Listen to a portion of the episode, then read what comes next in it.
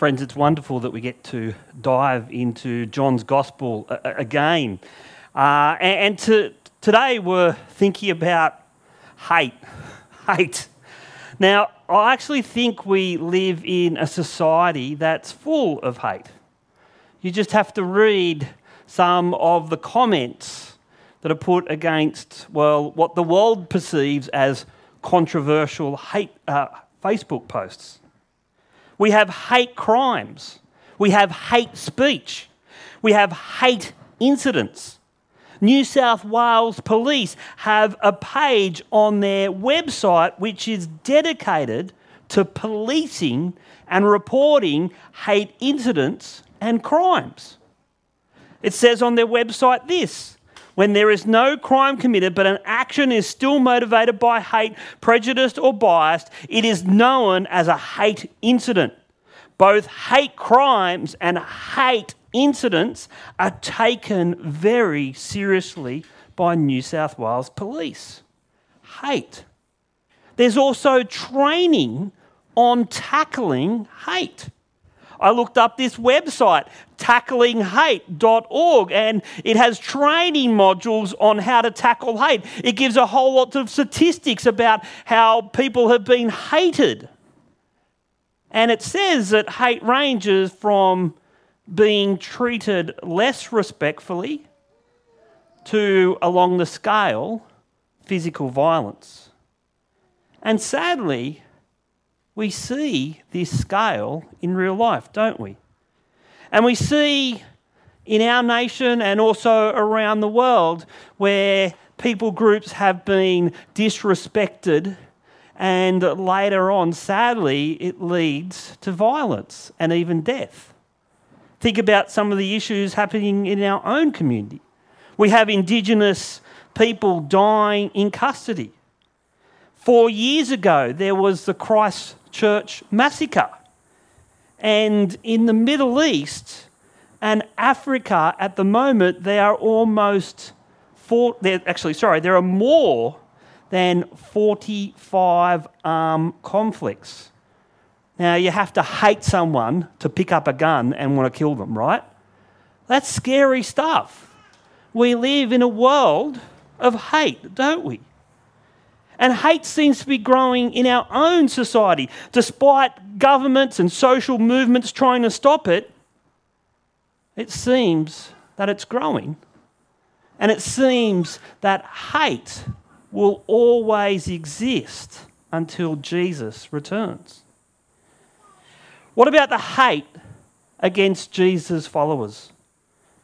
Now, if you are listening closely to today's passage, I don't think it left you with a happy feeling. It wasn't one of those happy, happy joy passages in the Bible, right? It was pretty hard. But as we reflect on Jesus' words in this passage, well, we start to get an understanding of why the first disciples faced hate and why disciples now and across history face hate as well.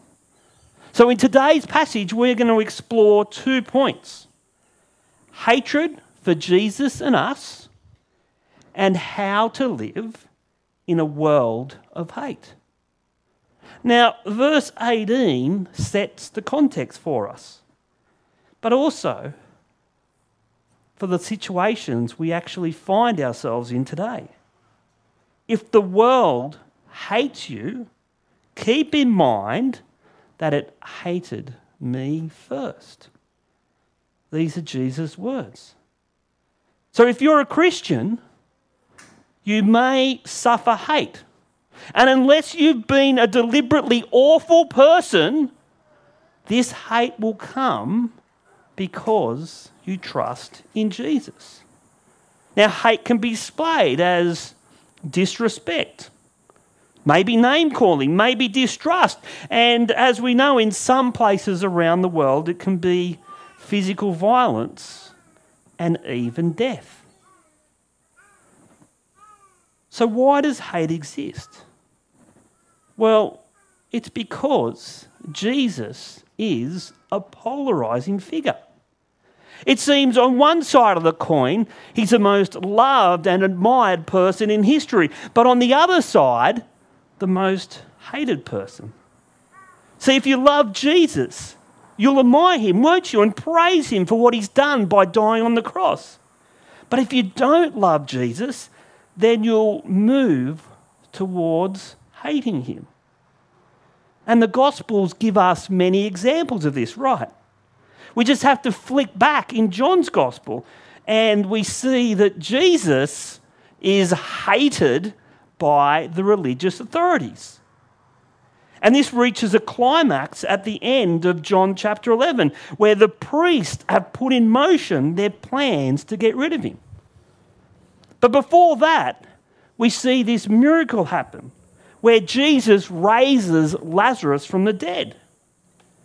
And then a bit later on in that passage, well, we see the division between people. Verse 45 and 46. Therefore, many of the Jews who had come to visit Mary and had seen what Jesus did believed in him. But some of them went to the Pharisees and told them what Jesus had done. Some people be- believe and they love Jesus. Others, well, they run to the religious leaders, don't they?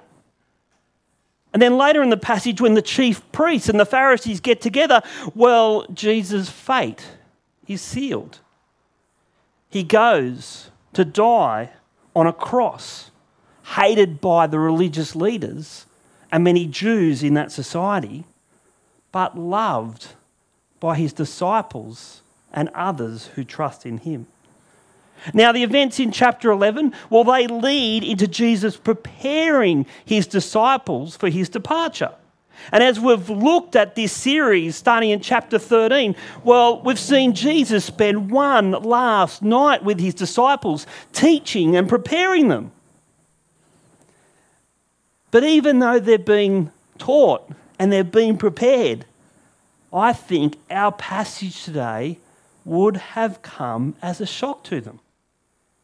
See, even the fact that Jesus has chosen his disciples out of the world is actually enough for the world to hate them. See, Christians aren't some alien group or superior beings.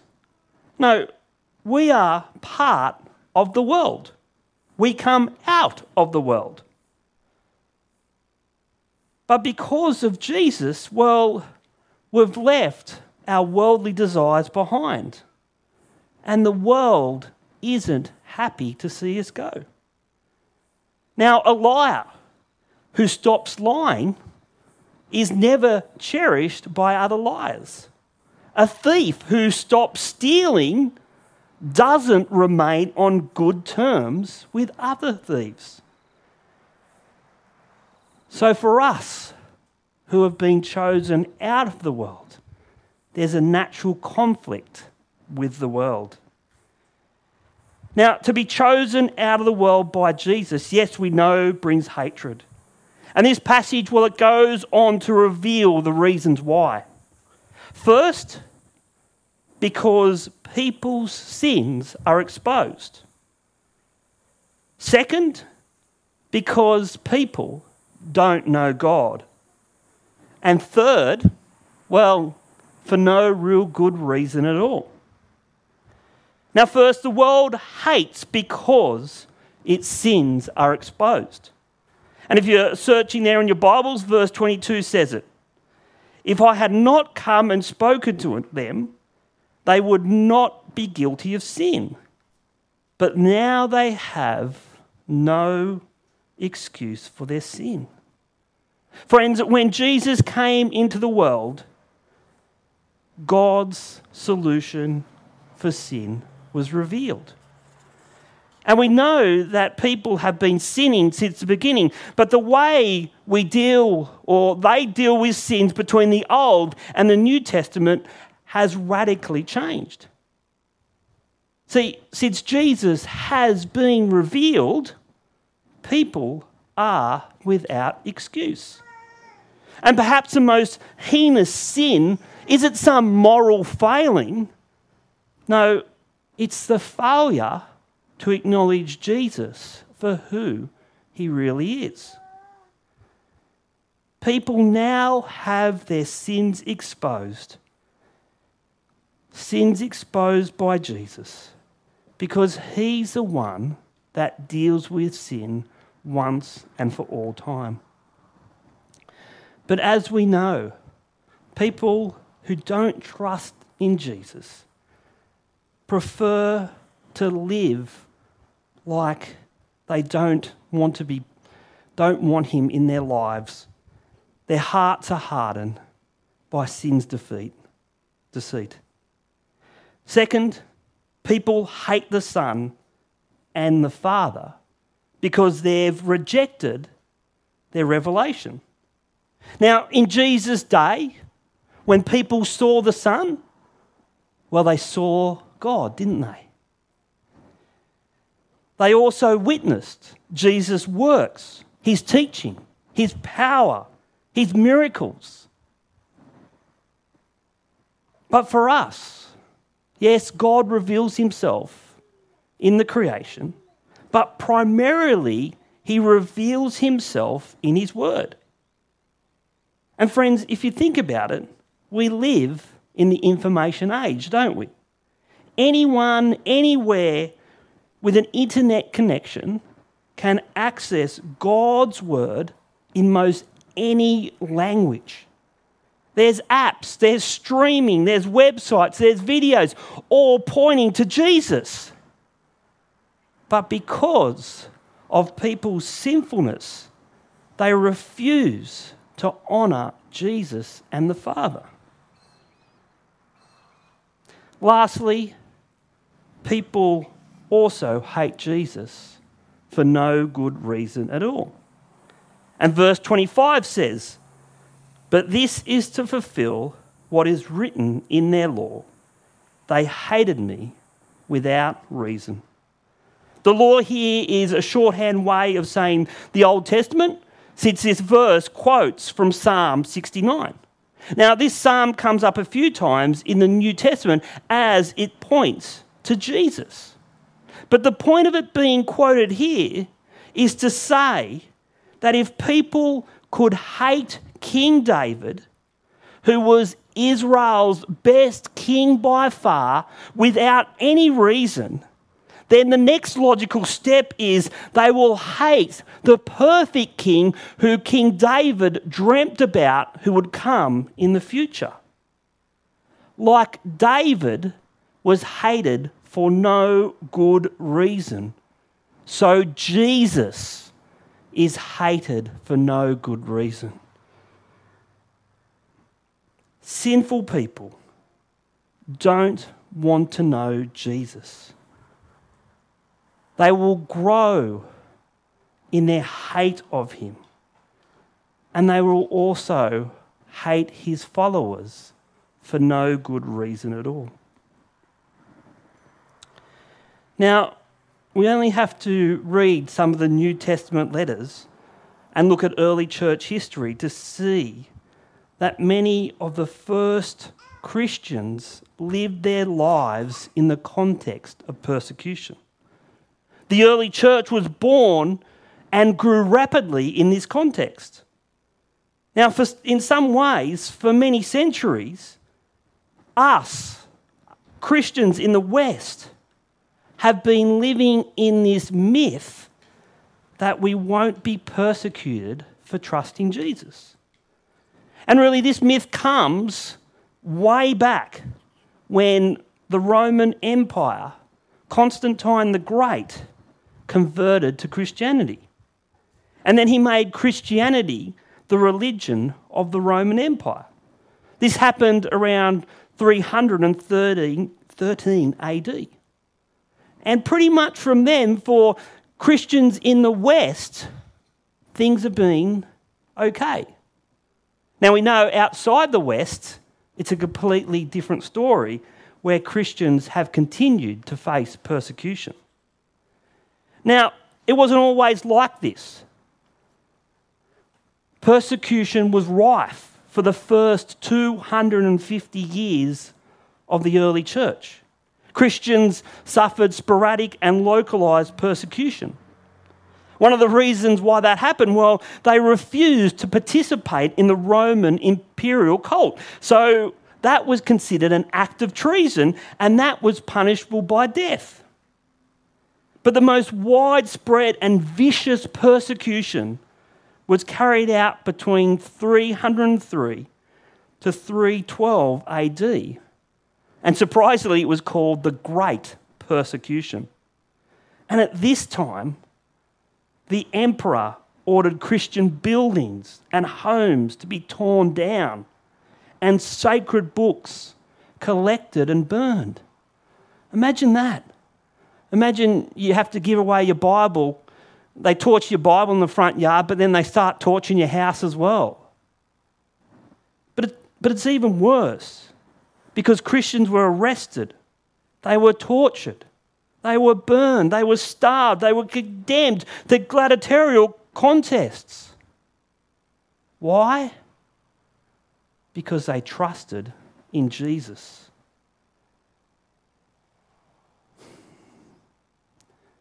The world hates Jesus, so it also hates his followers. What about today? Well, you may know recently on Channel 10's The Project, a queer comedian named Reuben Kaye made an offensive joke about Jesus, which caused a public uproar. People who weren't happy about this joke, well, they got on Twitter and wrote a number of things. Absolutely disgusting. Absolutely disgusting comment about Jesus. He's just insulted millions of people of faith. Having to watch this filth during dinner time with a young family. You owe the public an apology, and furthermore, this horrible program should be cancelled. But then there were others that thought, oh, well, that's okay. That's what you do in this world, right? You criticise Christians. I can't believe Reuben just said that on national prime time TV. What an icon.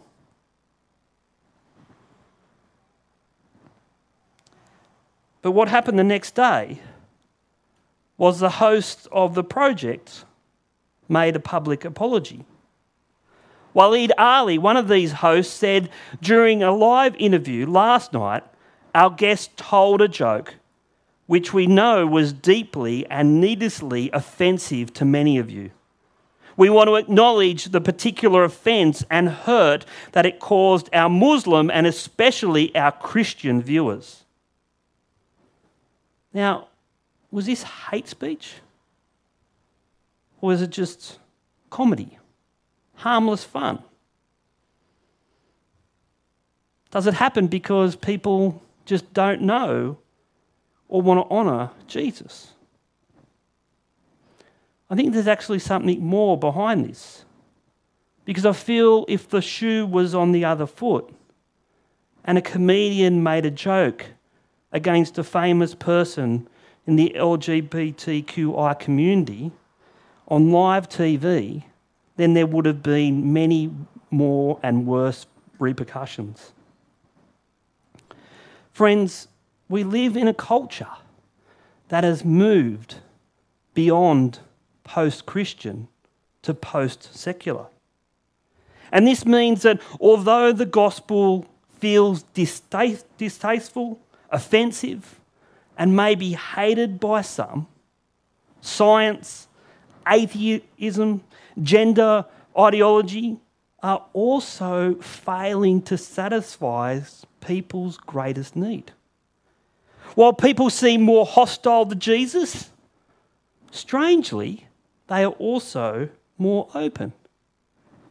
Yes, people are angry, but they're also hungry for meaning in life. And as we know, it's Jesus who offers true life, life to the full. So, how are we to live in this world that hates Jesus and his followers? Well, in some ways, we've already been given the answer as we've looked at John's Gospel over the last few weeks. Verse 17, if you're following along there in your Bible, is like a connecting verse between last week's passage and this week's one.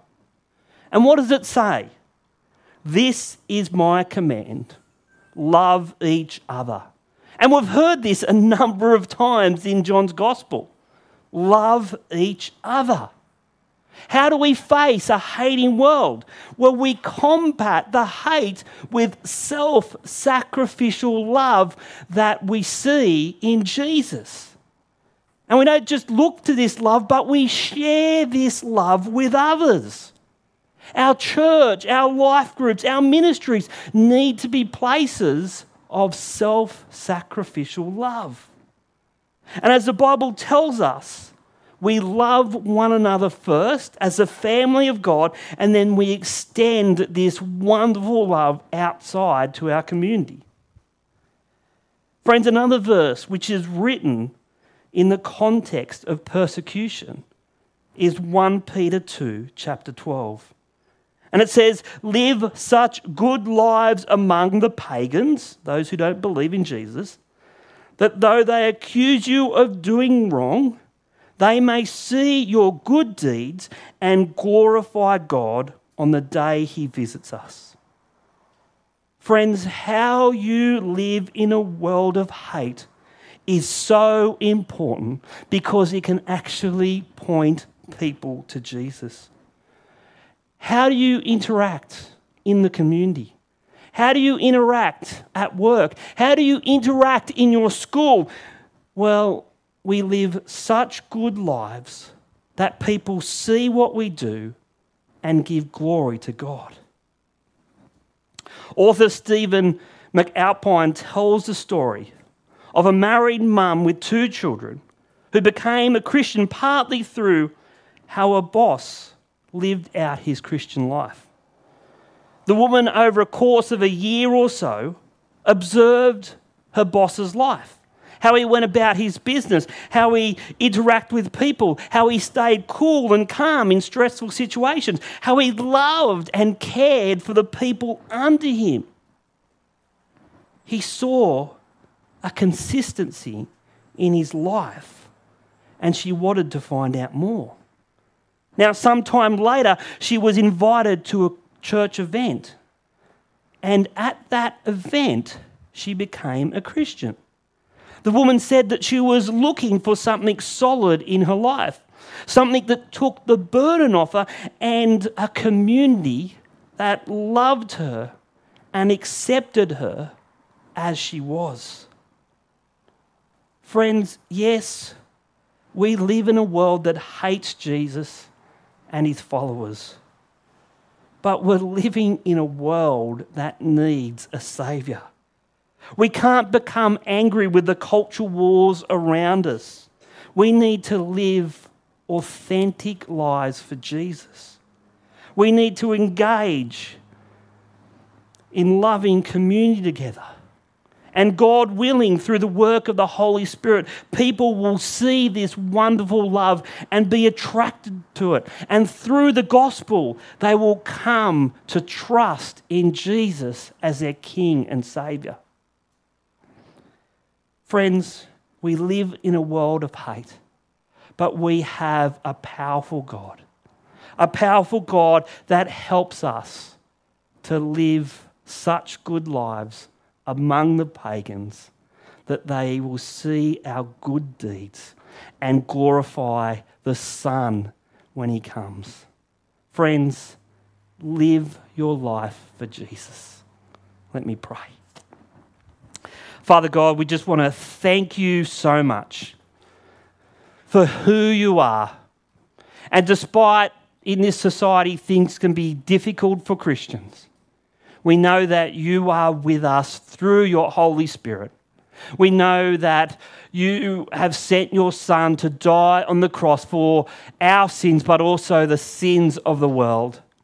Father, we know that sometimes our message doesn't get across, but we know that there are people who are watching, people who are watching at work, people who are watching at school, people who are watching in our community people who are watching and asking questions about who we follow and why we love the way that we love. Father God, help us all here today to live our lives for your Son, Jesus. And it's in his name we pray. Amen.